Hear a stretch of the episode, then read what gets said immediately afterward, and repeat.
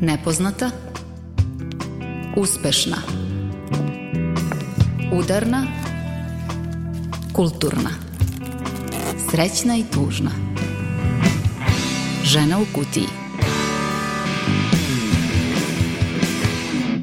Dobar dan, dobrodošli u našu radijsku kutiju. Ja sam Tamara Srijemac, a ton majstor današnje emisije je Damjan Šaš. Pokušat ćemo i ovaj put da preispitamo ukorenjene predrasude u našem društvu u narednih sat vremena. Šta donosi najava produžetka porodiljskog odsustva? O čemu bi trebalo voditi računa da i ova u najavi dobra mera ne postane populistička sa negativnim posledicama? Određene kompanije imaju neki prećutan dogovor da žene posle porođaja moraju ranije da se vrate na posao, čak imamo informaciju da to negde bude posle tri meseca. Ukoliko se ne vrate, naravno imaju pravo i ostaće do kraja na svom bolovanju, kada se vrate na posao sačekaće ih otkaz.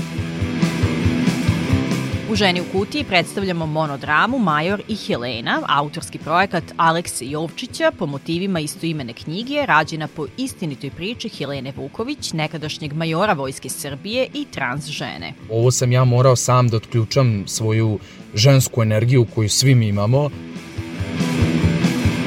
Od prvog osjećaja da je devojčica, a ne dečak u patrihalnoj porodici, preko pokušaja potiskivanja sobstvenog identiteta, do sadašnjeg spokoja kada je i fizički postala ono što je oduvek bila, žena. Helena Vuković govori za ženu u kutiji. Ti si jedna tinejdžerka, ti vidiš da to što se tebi dešava nije baš svakidašnje i kad ono nađeš tu definiciju šta je transseksualnost, da, to je to.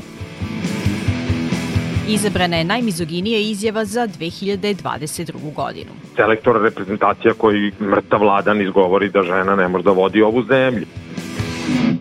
Udarna žena u kutiji. Pred sam kraj godine, ministarka Darija Kisić rekla je da očekuje da će se sredinom 2023. godine usvojiti zakon po kome će se porodiljsko odsustvo za prvo dete produžiti sa 12 na 15 meseci, a za drugo na 18 meseci. Šta bi donela najavljena novina, ali o čemu bi trebalo voditi računa da ovo ne bi postala samo populistička mera koja neće biti povoljna za sve žene? O tome u rubrici Udarna govori psihološkinja sa roditeljskog portala Bebac Jasmina Mihnjak.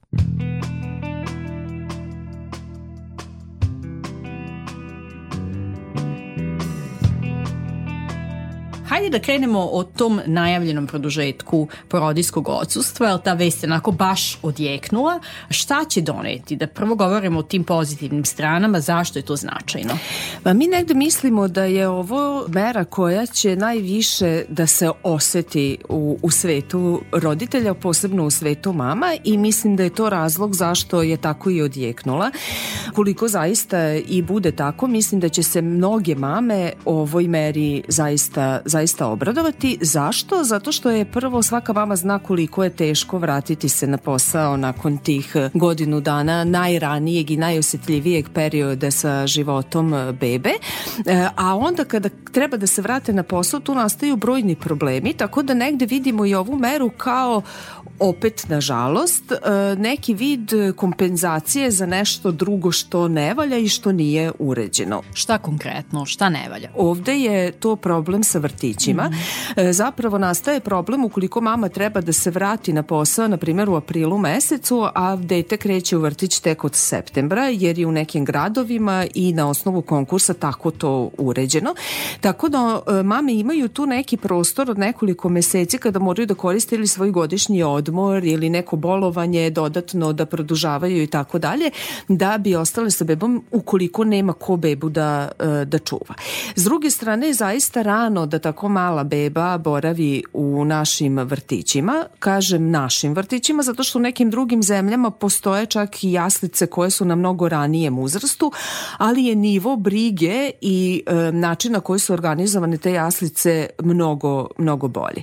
Kod nas to ne funkcioniše baš najbolje, u mnogim gradovima ni ne postoje vrtići koji primaju decu koja su mlađa od 12 meseci. U Novom Sadu, na primjer, postoji samo jedan e, takav vrtić i zaista zaista su uslovi za boravak tako male dece potrebno je da budu mnogo, e, mnogo bolji.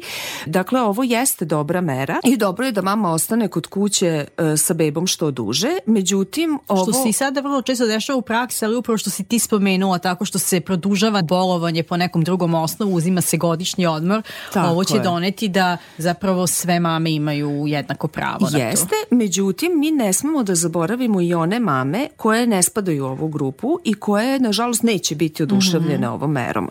Zašto? Zato što mi ipak živimo u vremenu kada su žene posvećene i svom poslu i razvoju karijere. Nažalost imamo i situaciju u praksi da određene kompanije imaju neki prećutan dogovor sa svim zaposlenima da žene posle porođaja moraju ranije da se vrate na posao. Čak imamo informaciju da to negde bude posle tri meseca. Ukoliko se ne vrate, naravno imaju pravo i ostaće do kraja na svom bolovanju. Kada se vrate na posao, sačekaće ih otkaz. Da, i voljela bih da razradimo tu priču zato što inače žene koje planiraju trudnoću su teže zapošljiva kategorija i u ovom kontekstu ovog zakona se i to spominjalo kao neka moguća pretnja u smislu da će žene na taj način biti još diskriminisanije. Upravo je jedan od načina kako mogu biti diskriminisane i ovo što si ti navela, pa me u tom kontekstu zanima koliko je važno, eto imamo spomenuto da će se sve to dešavati sredinom ove godine, koliko je važno voditi računa o tim svim detaljima kada se bude pravio zakon, šta, na šta sve treba da obratimo pažnju? E, mislim da generalno su sve mere uh, usmerene od kad je počela to, to zagovaranje pronatalitetne politike u marketinške svrhe, mi to tako zaista i vidimo i čujemo. E, nekako mi, e, mi se čini da je sve usmereno na onako kao grupne neke mere koje se odnose na sve. A mi živimo u vremenu kada to baš u praksi e, nije dobro, znači koja god mera da se donese, ne, uvek će biti neko ko će biti nezadovoljan time.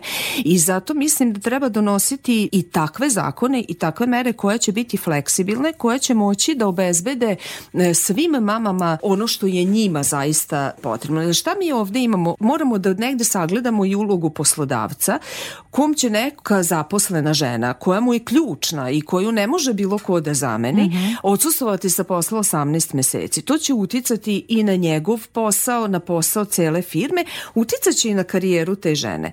Jer žene nisu samo majke, žene danas žele da budu i uspešne u svom poslu. Krenule su da rade nešto, da razvijaju svoju karijeru i onda će imati dug jedan prekid od 18 meseci koje će i tekako osetiti i bit će im teško da se kasnije vrate na posao.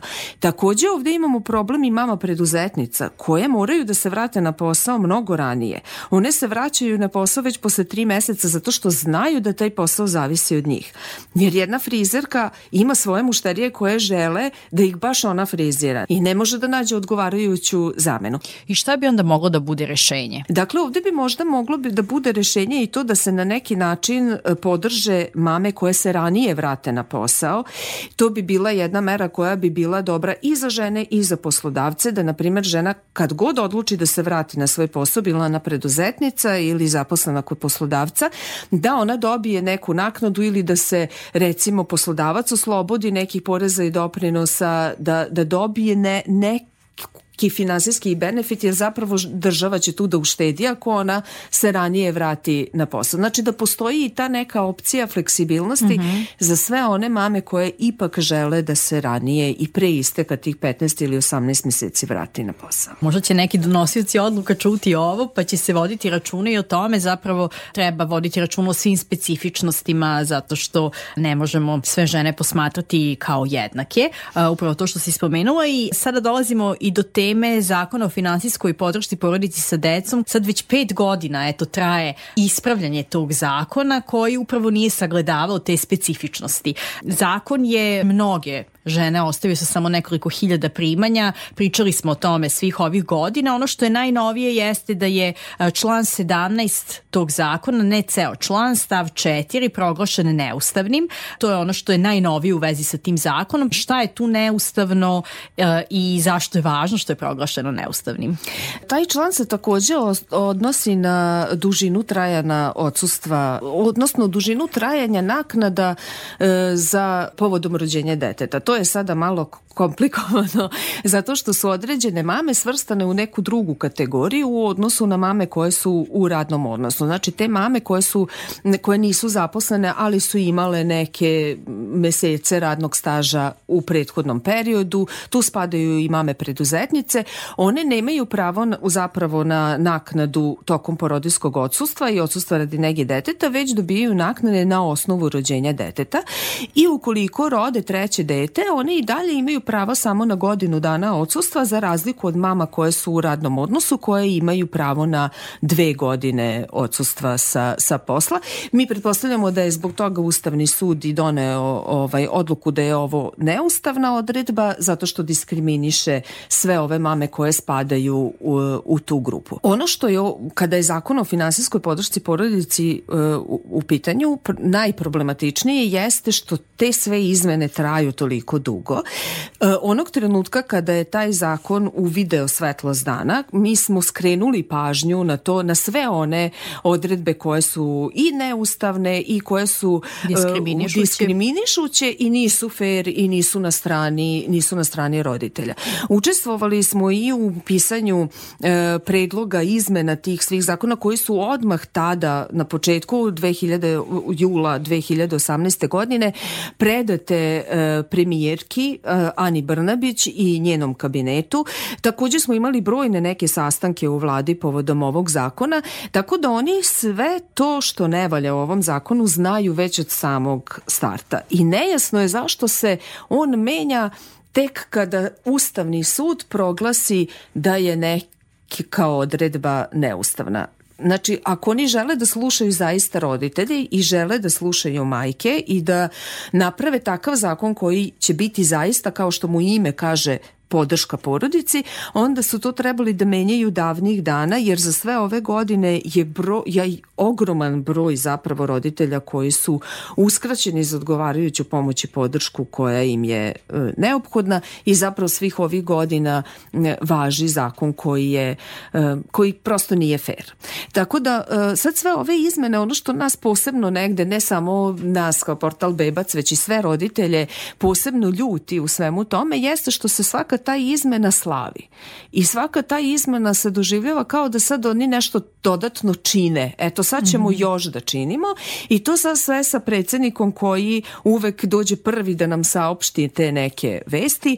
Nismo odlučili da ne tapšemo Vučiću i da ne tapšemo ovoj vladi za bilo šta što donesu ovaj, bilo kakve izmene iz razloga što... Zato što smatrate da je to zapravo ispravljanje? Jeste, ispravljanje njihovih grešaka. Oni ispravljaju ono što su sami napravili i ono što već zahvaljujući njih, njima predugo, zaista predugo traje. Hajde da se osvrnemo ukratko, to je zaista kompleksna priča, ceo zakon, bilo je mnogo reči o tome u medijima, ali možda da nas podsjetiš ukratko na sve te greške, da ih tako nazovemo, koje su ispravljene. E, ono što je ispravljeno i što je negde možda najvažnije jeste da sada žene, barem tokom prva tri meseca, ne dobijaju one mizerne naknade od 1000 ili 2000 dinara.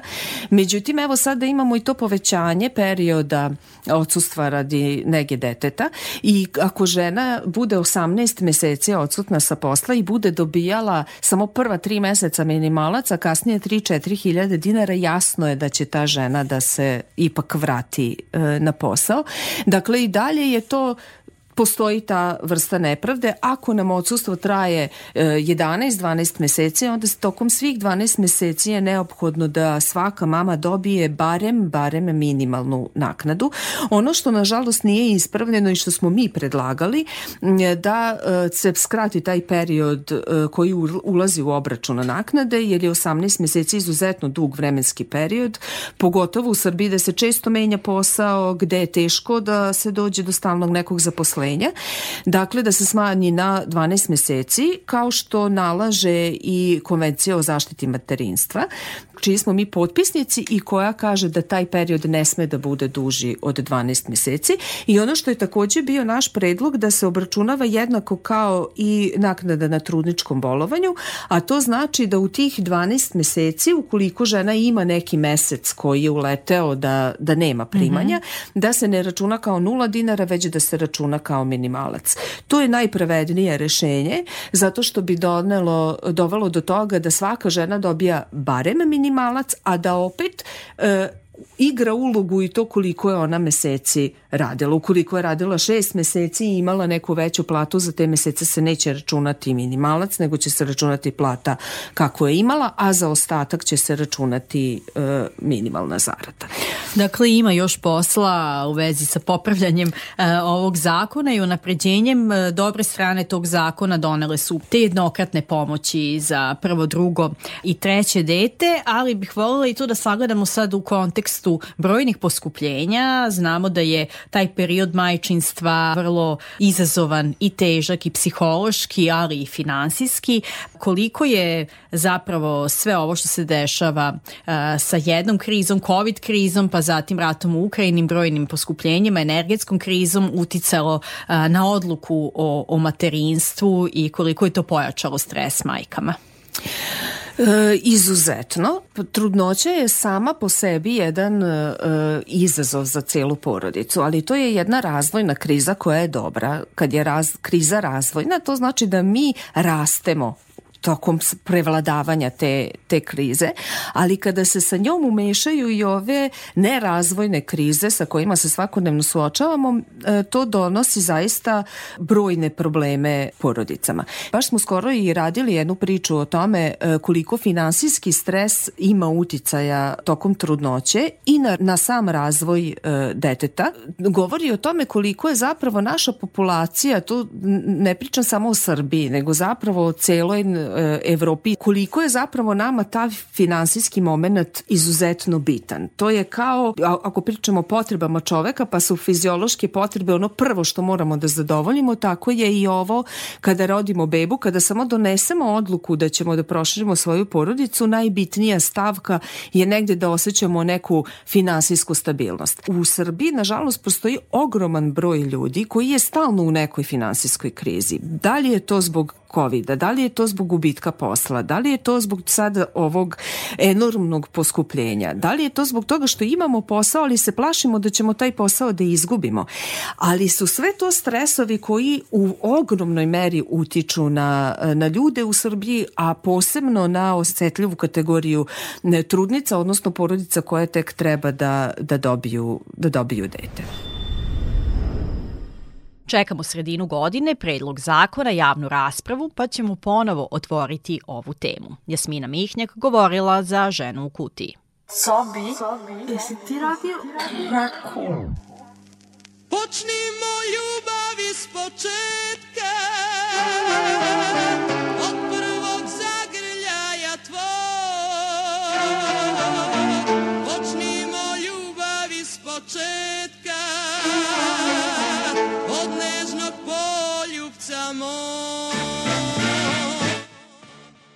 A pred sam kraj godine stigla nam je pesma koju upravo slušamo. Zajedno su je kreirali Bojana Vunturišević i Cobi.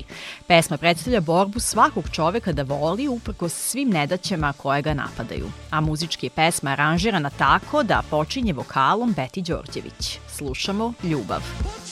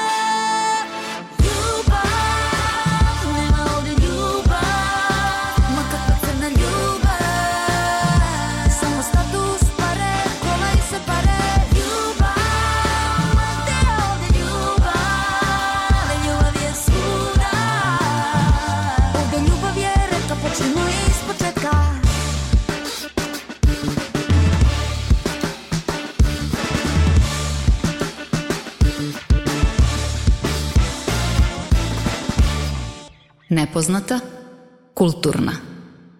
Žena u kutiji.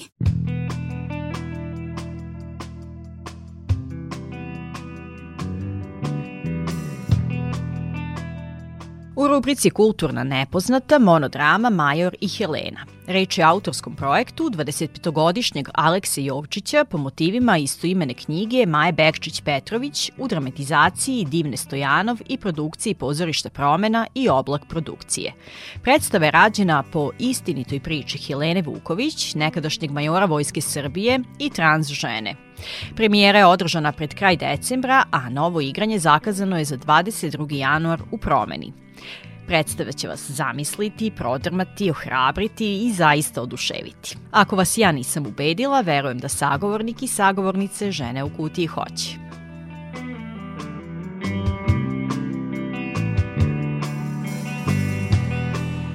Monodrama je inscenacija života Helene Vuković od prvog osjećaja da je devojčica, ne dečak u patriarhalnoj porodici, preko pokušaja potiskivanja sobstvenog identiteta u konzervativnom društvu, do razdoblja života kada je i fizički postala ono što je oduvek i bila, žena.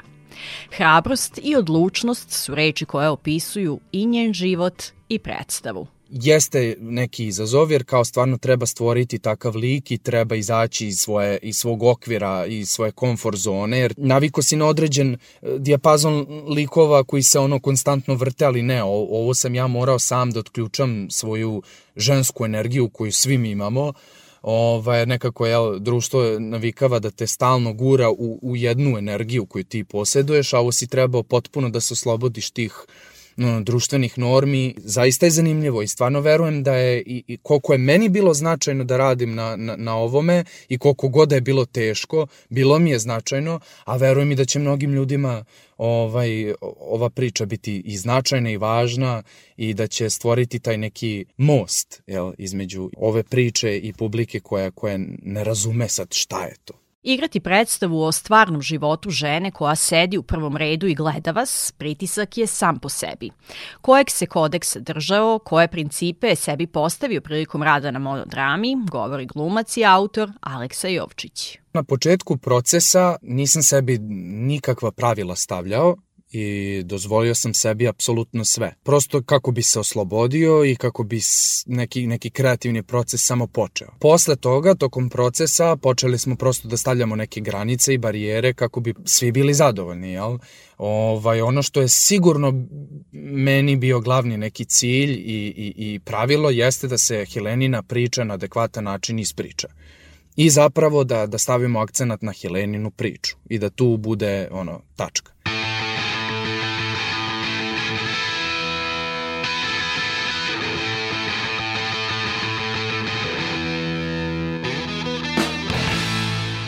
Pa na samom početku kad je Alex se meni javio i kad smo imali taj neki prvi inicijalni sastanak, da je on izložio svoju ideju i posle kada smo se već sastajali ja sam bila uvek, ali uvek izričita da ja ne želim da to bude još neka u nizu istih predstava koja samo estradizuje nečiji život, nego da ja od njega kao glumca, on je tom predstavom branio master rad ovde na Akademiji umetnosti, ako već e, radi master za glumu, da onda tražim od njega da on dočara tu unutrašnju borbu. Unutrašnju borbu koja je bila prisutna u većem delu njenog života. Helena Vuković dodaje da je u vezi sa predstavom o njenom životu s početka bila skeptična. Pa neću da kažem nisam verovala, e, dala sam šansu. Dala sam šansu zato što uvek, uvek verujem više mlađim, mlađim ljudima, zašto su neiskvareni zato što u tim momentima kad završe akademiju, tad su puni znanja, i imaju želju i ne kalkulišu u, u tom pravcu, ne razmišljaju racijom, nego idu srcem. Izbor za ovu temu je zapravo bio potpuno spontan i nekako mi je ono instinktivno došao na um. Uopšte nije bio kao neki, da kažem, namerni bunt protiv uh, ono razmišljanja društva nego ono desio se ono organski bunt 2016. sam ja u, učestvovao na nekom ovaj projektu i tu sam ja volontirao u Pančevu i ovaj, ja u tom trenutku nisam imao šta da radim, društvo me zvalo i reklo hoćeš li da učestvuješ, da volontiraš u projektu, tamani da se družimo, ja sam rekao može I kada sam došao na taj projekat, tad sam zapravo upoznao Helenu. Ona mi ispričala zapravo celu njenu priču kroz taj projekat. Ja sam to slušao i bio za, jako zadivljen i fasciniran tom pričom. Jer je za mene bilo neko potpuno novo iskustvo jako interesantna, fascinantna priča. Meni je tad bilo ono potpuno jedna hollywoodska priča a ta priča većem delu javnosti postala je poznata tokom 2015. godine kada se desila transrevolucija u našoj zemlji, kada je Helena Vuković javno govorila o svom životu, procesu prilagođavanja pola, o prvim spoznajama da nije kao većina, o trenucima koji su bili prekretnice u njenom odrastanju, poput one kada se prvi put susrela sa definicijom transseksualnosti. U tom momentu ti si jedna tinejdžerka, ti vidiš da to što se tebi dešava nije baš svakidašnje, i kad ono nađeš tu definiciju šta je transseksualnost, da, to je to. To je to. I onda te drži ta euforija i onda još uvek ne krećeš da se pitaš, a šta dalje? I onda kreće ta, ta opet unutrašnja borba. Ok, saznam šta sam i šta s tim sada radim. Da li to da sakrijem isto dalje u ormar, da li da to se razvija ili da samo da pustim.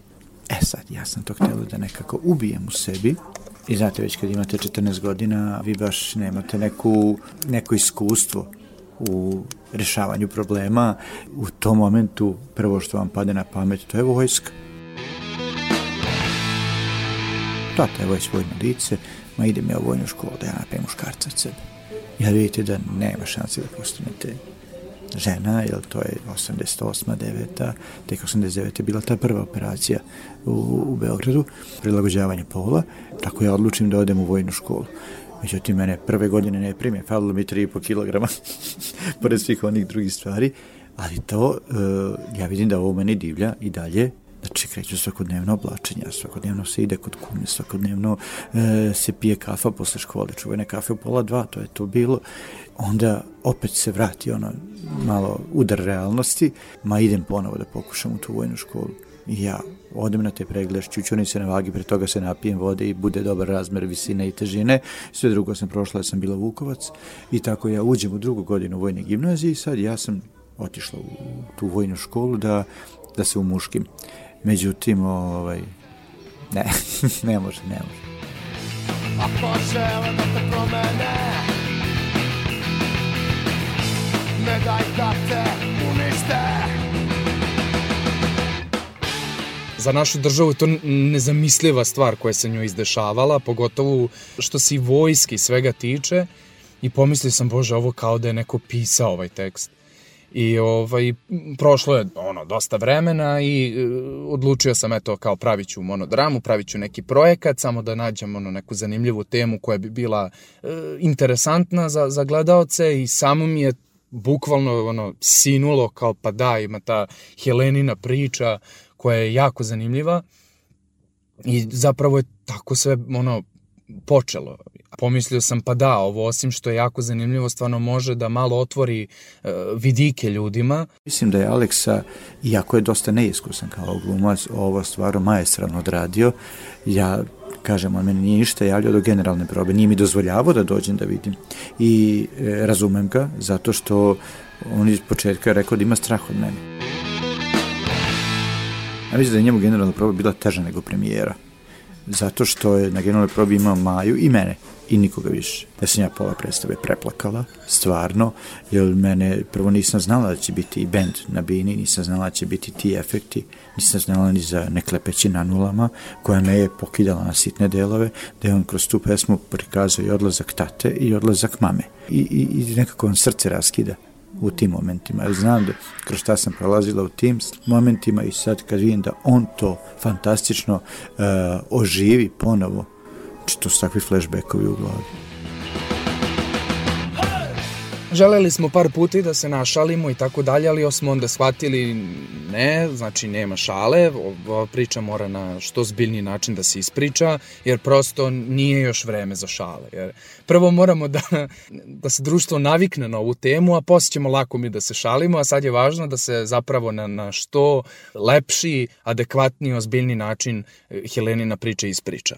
A duhovitost je nekako sama došla, njena priča je životna, mnogi se pronalaze u njenoj priči i onda prosto duhovitost je sama izašla bez da smo se mi nešto tu mnogo trudili. Tako da ono, kodeks je bio ispričati priču na što bolji način i razumeti potrebe zajednice u smislu šta je to što uh, trans zajednici smeta, šta ne vole da se spominje, šta je ružno, šta nije, prosto uh, voditi računa i o njihovim osjećanjima, jer kako da kažem, znači kodeks je ono što zbiljnije, a sve će posle nekako prirodno i organski doći na svoje. U timu koji se postarao da priča dođe na svoje jeste i dramaturškinja Divna Stojanov.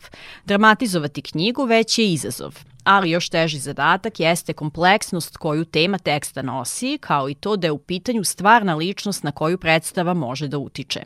Najteže je bilo napraviti izbor događaja, kaže dramaturškinja. 40 godina nečeg života trebalo je sažeti u dramsko delo. Što se tiče etičkih principa, ja sam stalno imala neku potrebu da ja dopisujem, pa sam govorila Aleksi, jao šta bi bilo kada bi Helenina deca baš ušla dok se ona preslači, pa da su našli ovo, pa šta bi bilo ako bi ona, ne znam, izašla takva i napalje neki ljudi? Ili kao, samo sam izmišljala neke situacije, ali onda smo se stalno, stalno sam ja sebe morala da podsjećam, e, ovo je dokumentarni, dokumentarna uh, drama, dokumentarno pozorište, uh, to je zaista prava žena koja postoji, koja ovo treba da gleda, ne mogu se tek tako igrati, moram pre svega imati poštovanja prema njenom životu, iako ništa što sam htela da uradim nije bilo nepoštovanje ili uvredljivo, ali s druge strane da se držim njene, njene priče i da, je, da se ja potrudim da ispričam na najbolji način, a ne da e, se potrudim da budem nešto ja lično zanimljiva ili duhovita. I kako si zadovoljna kako je priča preneta na scenu? Meni je Aleksa pre svega fantastičan, to, to mi je prvi nekako utisak bio. Ja sam se stalno pitala kako će on to jednu gomilu teksta, zaista to je jedan, jedan veliki broj reči nekako, kako će to sve da, da smesti na scenu. Mogu samo da budem zadovoljna kako je tekst još unapređen dodatno na sceni. Predstava je monodrama, ali osim glumca Aleksa Jovčića na sceni je i band. Punk band koji pojačava utisak i osnažuje priču. Pa da, u monodrami postoji taj band glasovi iz unutrašnjosti koji sviraju gobline, punk, ono, punk muziku koja dodaje nekako na atmosferi, a i oni su generalno to, kada se pročita knjiga od autorke Maja Bekčić Petrović, Major Helena. Kada krene da se čita, mnogo se spominje ta punk muzika, mnogo se spominju goblini. Ti shvatiš da, da, da, da su goblini bili jedan sastavni deo njenog života i e, kroz šta god je ona prolazila, oni su nekako bili tu. Kada misliš da si sam.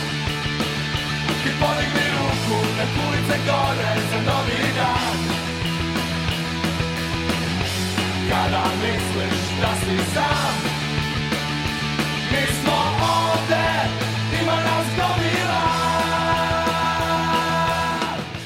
to je nekako zapravo bilo meni mnogo lepo i onda sam hteo njih da upotrebim i da u predstavi oni budu tu kao pored nje i da oni kad sviraju, oni zapravo njoj kroz svirku daju neku, neku vrstu podrške, kao oni su tu. I to je meni zapravo bilo lepo i svakako služe Jer, znate, kad radite monodramu, vi morate konstantno da držite pažnju publici, ne sme ni u jednom trenutku da opadne i onda su oni nekako tu da, ono, publika ni u jednom trenutku ne zaspi, nego kad krenu da sviraju, ono, daju do znanja publice, e, nema spavanja, ima još. Tako da, odlično su to odradili.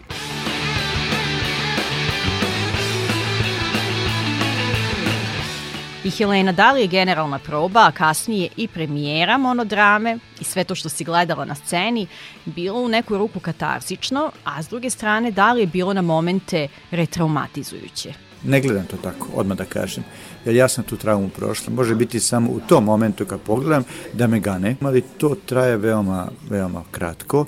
E, zašto? Zato što je taj predstava prvenstveno instrument i više od nas i opštija od bilo kog od naših života. A, zašto? Zato što ona prenosi jednu bitnu poruku kako ne treba proći u životu i čekati nekih 40 godina da, da, da se ostvarite kao vi, ja mislim da malo otvara oči široj populaciji. Nema tu mesta nekoj moje traumi ili retraumi ponovo, zato što sam ja tu bukvalno bila samo kao instrument da prenese poruku jedne manjinske zajednice a da li je pozorište dobar kanal za prenošenje te poruke. Da li je predstava edukativna, objašnjavaju Aleksa Jovčić, Divna Stojanov i Helena Vuković. Ne bih voleo da se ova, ova monodrama i ova predstava tumači kao neko predavanje gde ljudi dolaze i ja sad kao objašnjavam šta je to. Mislim da, da njena priča dovoljno je već edukativna i, i, i važna. U svakom slučaju ja, ja sam hteo da se u jednom trenutku mon, monodrame ubaci jedan mali edukativni element neke stvari prosto publika mora da nauči da bi, da bi što bolje razumela. I onda prosto sam nekako imao potrebu, ok, ubacit ćemo u jednom trenutku malo i taj edukativni element da bi ljudi što bolje razumeli šta je sve ovo, a Helenina priča će mnogo uh, ulaziti dublje od tog površnog edukativnog materijala, je, znate, priča je to, to i to i to. Evo, vrlo kratka anegdota, moja baka je došla da gleda predstavu i ona je prosto, ima preko 80 godina, sva rodbina, deca, unuci koja ima su straight, tako da nije nekako dolazila u, u dodir sa ovom temom. Ona je naravno bila oduševljena pošto njena unuka uh, učestvovala u predstavi, ali mnogo bitnije sad za, za ovo pitanje, ona mi je rekla, divna, kad god bude bila neka šetnja u Novom Sadu, da podržimo LGBTQ plus ljude, obavezno mi reci, ja izlazim. Spoj umetnosti i aktivizma je nekako dobitna formula za uspeh kad ljudi e, kroz e, kulturna zbivanja gde idu svojom voljom, ne natura im niko.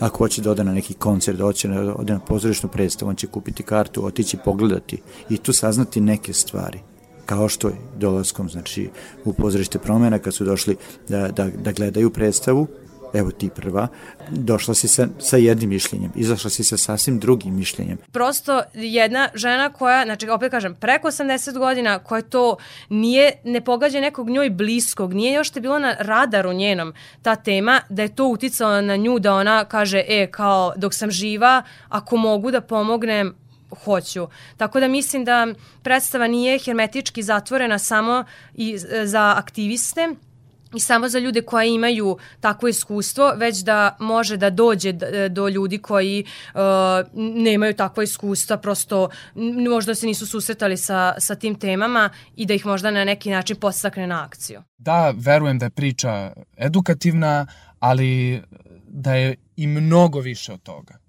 da je mnogo više od nekog aktivizma i da je mnogo to dublje i da ulazi u osjećanja i da se zapravo kroz osjećanja mi bolje razumemo. I ako ta predstava promeni mišljenje makar jednog procenta populacije ili pomogne makar jednom detetu, makar jednoj osobi koja se tako osjeća, pa mi smo pobedili.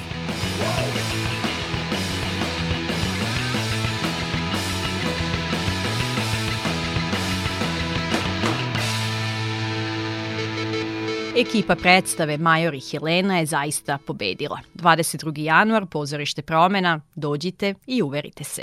Helena Vuković govori u nastavku Žene u kutiji o predrasudama koje većinsko stanovništvo ima o trans ženama.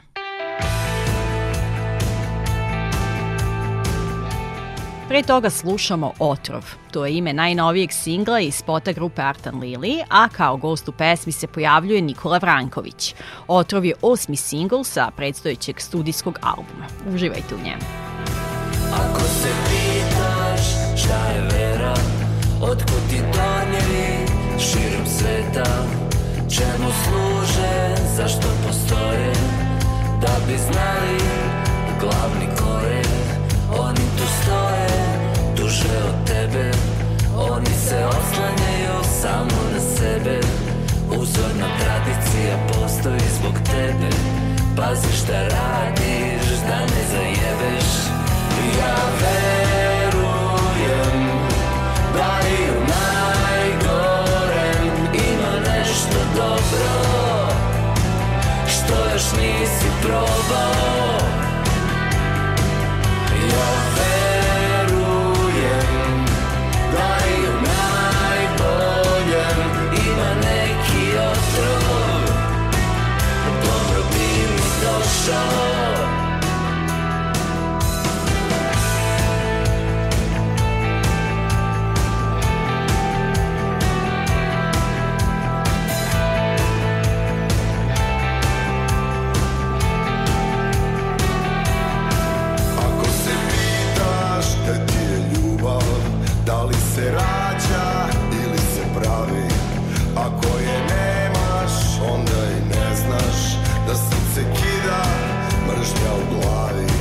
Jede te tuga, muči te sreća.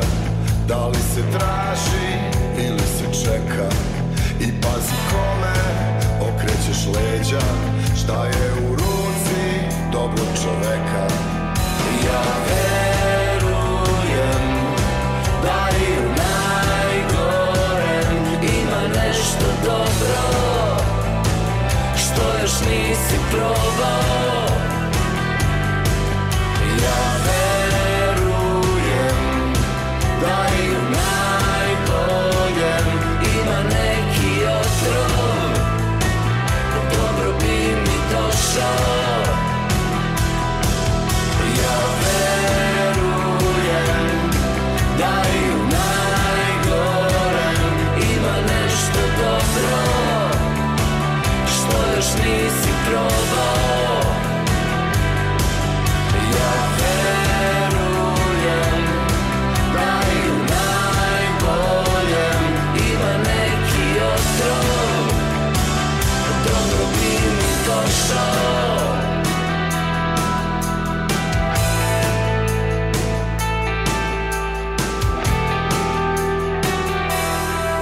Nepoznata žena u kutiji. Više od osam godina Helena Vuković se bavi aktivizmom. Koliki je izazov boriti se protiv predrasuda o trans ženama u našem društvu, govori za rubriku Nepoznata.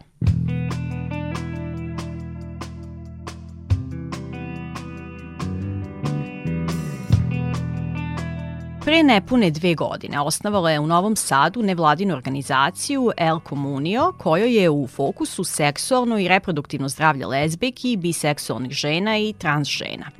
Uvek je u prvim redovima kada je u pitanju borba za ljudska prava, a svojim načinom življenja već razbija brojne stereotipe. Za ženu u kutiji izdvaja one koje joj najviše smetaju. Pod broj 1 svi misle da je seks radnica, pod broj 2 ove, svi misle da je bolesna,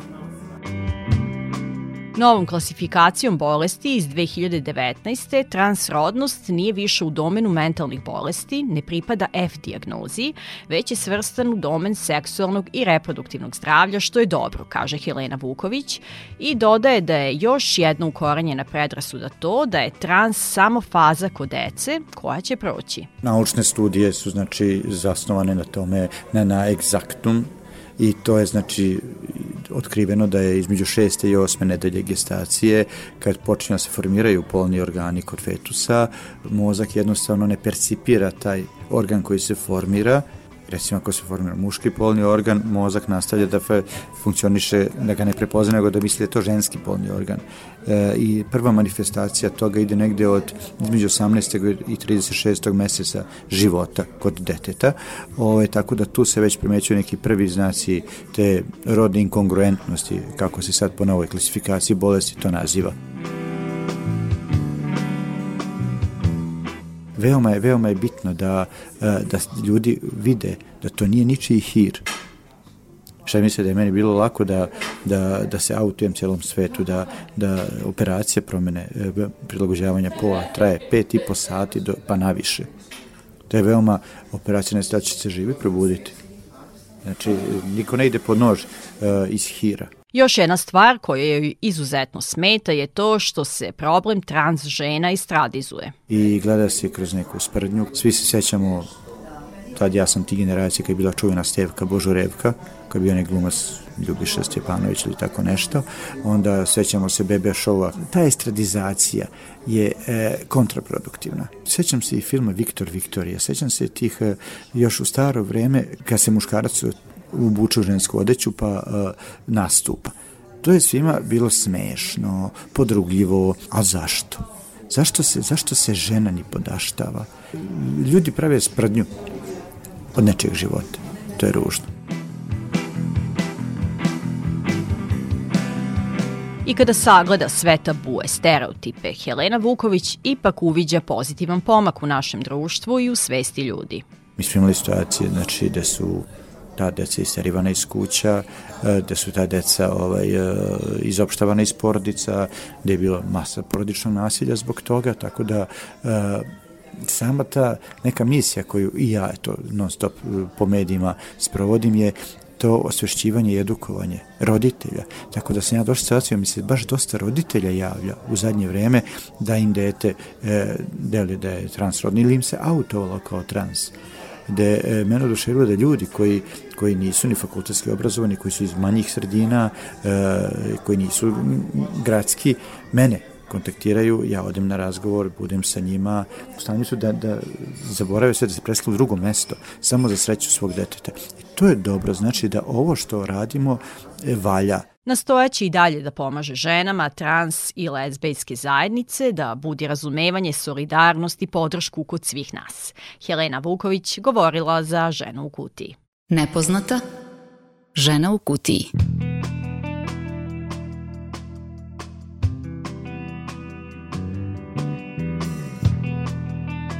Akademija ženskog liderstva je zajedno sa grupom novinarke protiv nasilja prema ženama i inicijativom Otvoreni parlament pokrenula krajem decembra izbor za najmizoginiju izjavu 2022. godine. Nakon 10 dana u kojima su građanke i građani Srbije imali mogućnost da glasaju između 10 ponuđenih javnih izjava, pobedila je izjava Bogdana Obradovića, teniskog trenera, data na televiziji Pink. Šta je mizoginija, a šta seksizam u javnom prostoru? Najpre terminološko objašnjenje. Miloš Đajić iz Akademije ženskog liderstva odgovara na pitanje šta je to seksistička izjava. To je način obraćanja ili korišćenje, da kažemo, reči koje mogu da se stave u seksualni kontekst, a mizoginija predstavlja e, upotrebu termina i reči koji predstavljaju netrpeljivost, mržnju, nipodaštavanje, diskriminaciju žena. Ljudi koji nastupaju u javnosti moraju da imaju i odgovornost za izgovorenu reč, kaže Miloš Đajić.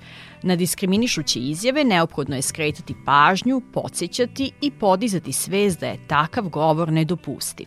Mi smo se obraćali za neke izjave i poverenici za zaštitu ravnopravnosti, ona je donela i svoje mišljenje o određenim izjavama, tako da e, one su dokazano diskriminatorne. Mi nećemo da dozvolimo da prosto žene budu nazivane na, na jedan pogrdan način, drugo da budu stavljane u jednu situaciju koja ne, je neprimjerena. Vi imate izjavu e, re, m, reprezentacija koji, koji mrtav vladan izgovori da žena ne može da vodi ovu zemlju. Mm -hmm. To je prosto nešto što je diskriminacija znači sutra neće moći da bude, da ga zameni žena kao na mestu selektora ili šta ja znam. Prosto pravimo razliku između muškaraca i žena, što je nedozvoljeno. To je jedna, jedan razlog, a druga, druga važna stvar je ne možemo tako da se ponašamo u javnosti, jer te poruke kasnije stižu do nekih dečaka i devojčica. Ako ih oni čuju da to može na televiziji, zašto oni to sutra ne bi mogli da interpretiraju u školi, na fakultetu, bilo gde i u bilo kojim odnosima Upravo je pomenuta izjava Bogdana Obradovića osvojila prvo mesto sa 18% glasova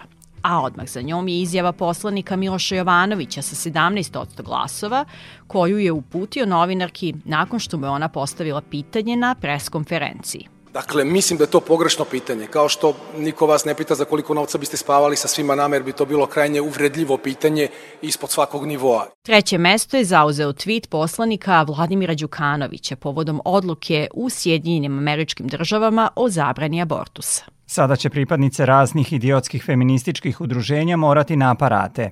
NVO sektor u haosu i očaju. Bravo za Vrhovni sud SAD-a.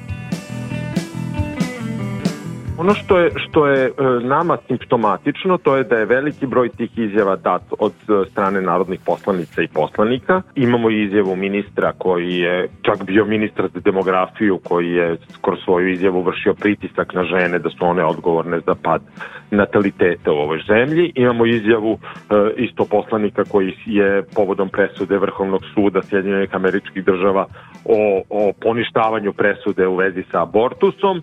Imamo izjave o sportskih radnika i tu pokazuje su stvari ta, taj odnos i, i društva i sportskih radnika prema ženama u sportu. Đajić navodi da će Akademija ženskog liderstva i nadalje budno pratiti izjave koje dodatno produbljuju neravnopravnost i diskriminaciju žena u Srbiji i veruje da će ovaj izbor podsjećati sve javne ličnosti na to da je javni govor obavezujući.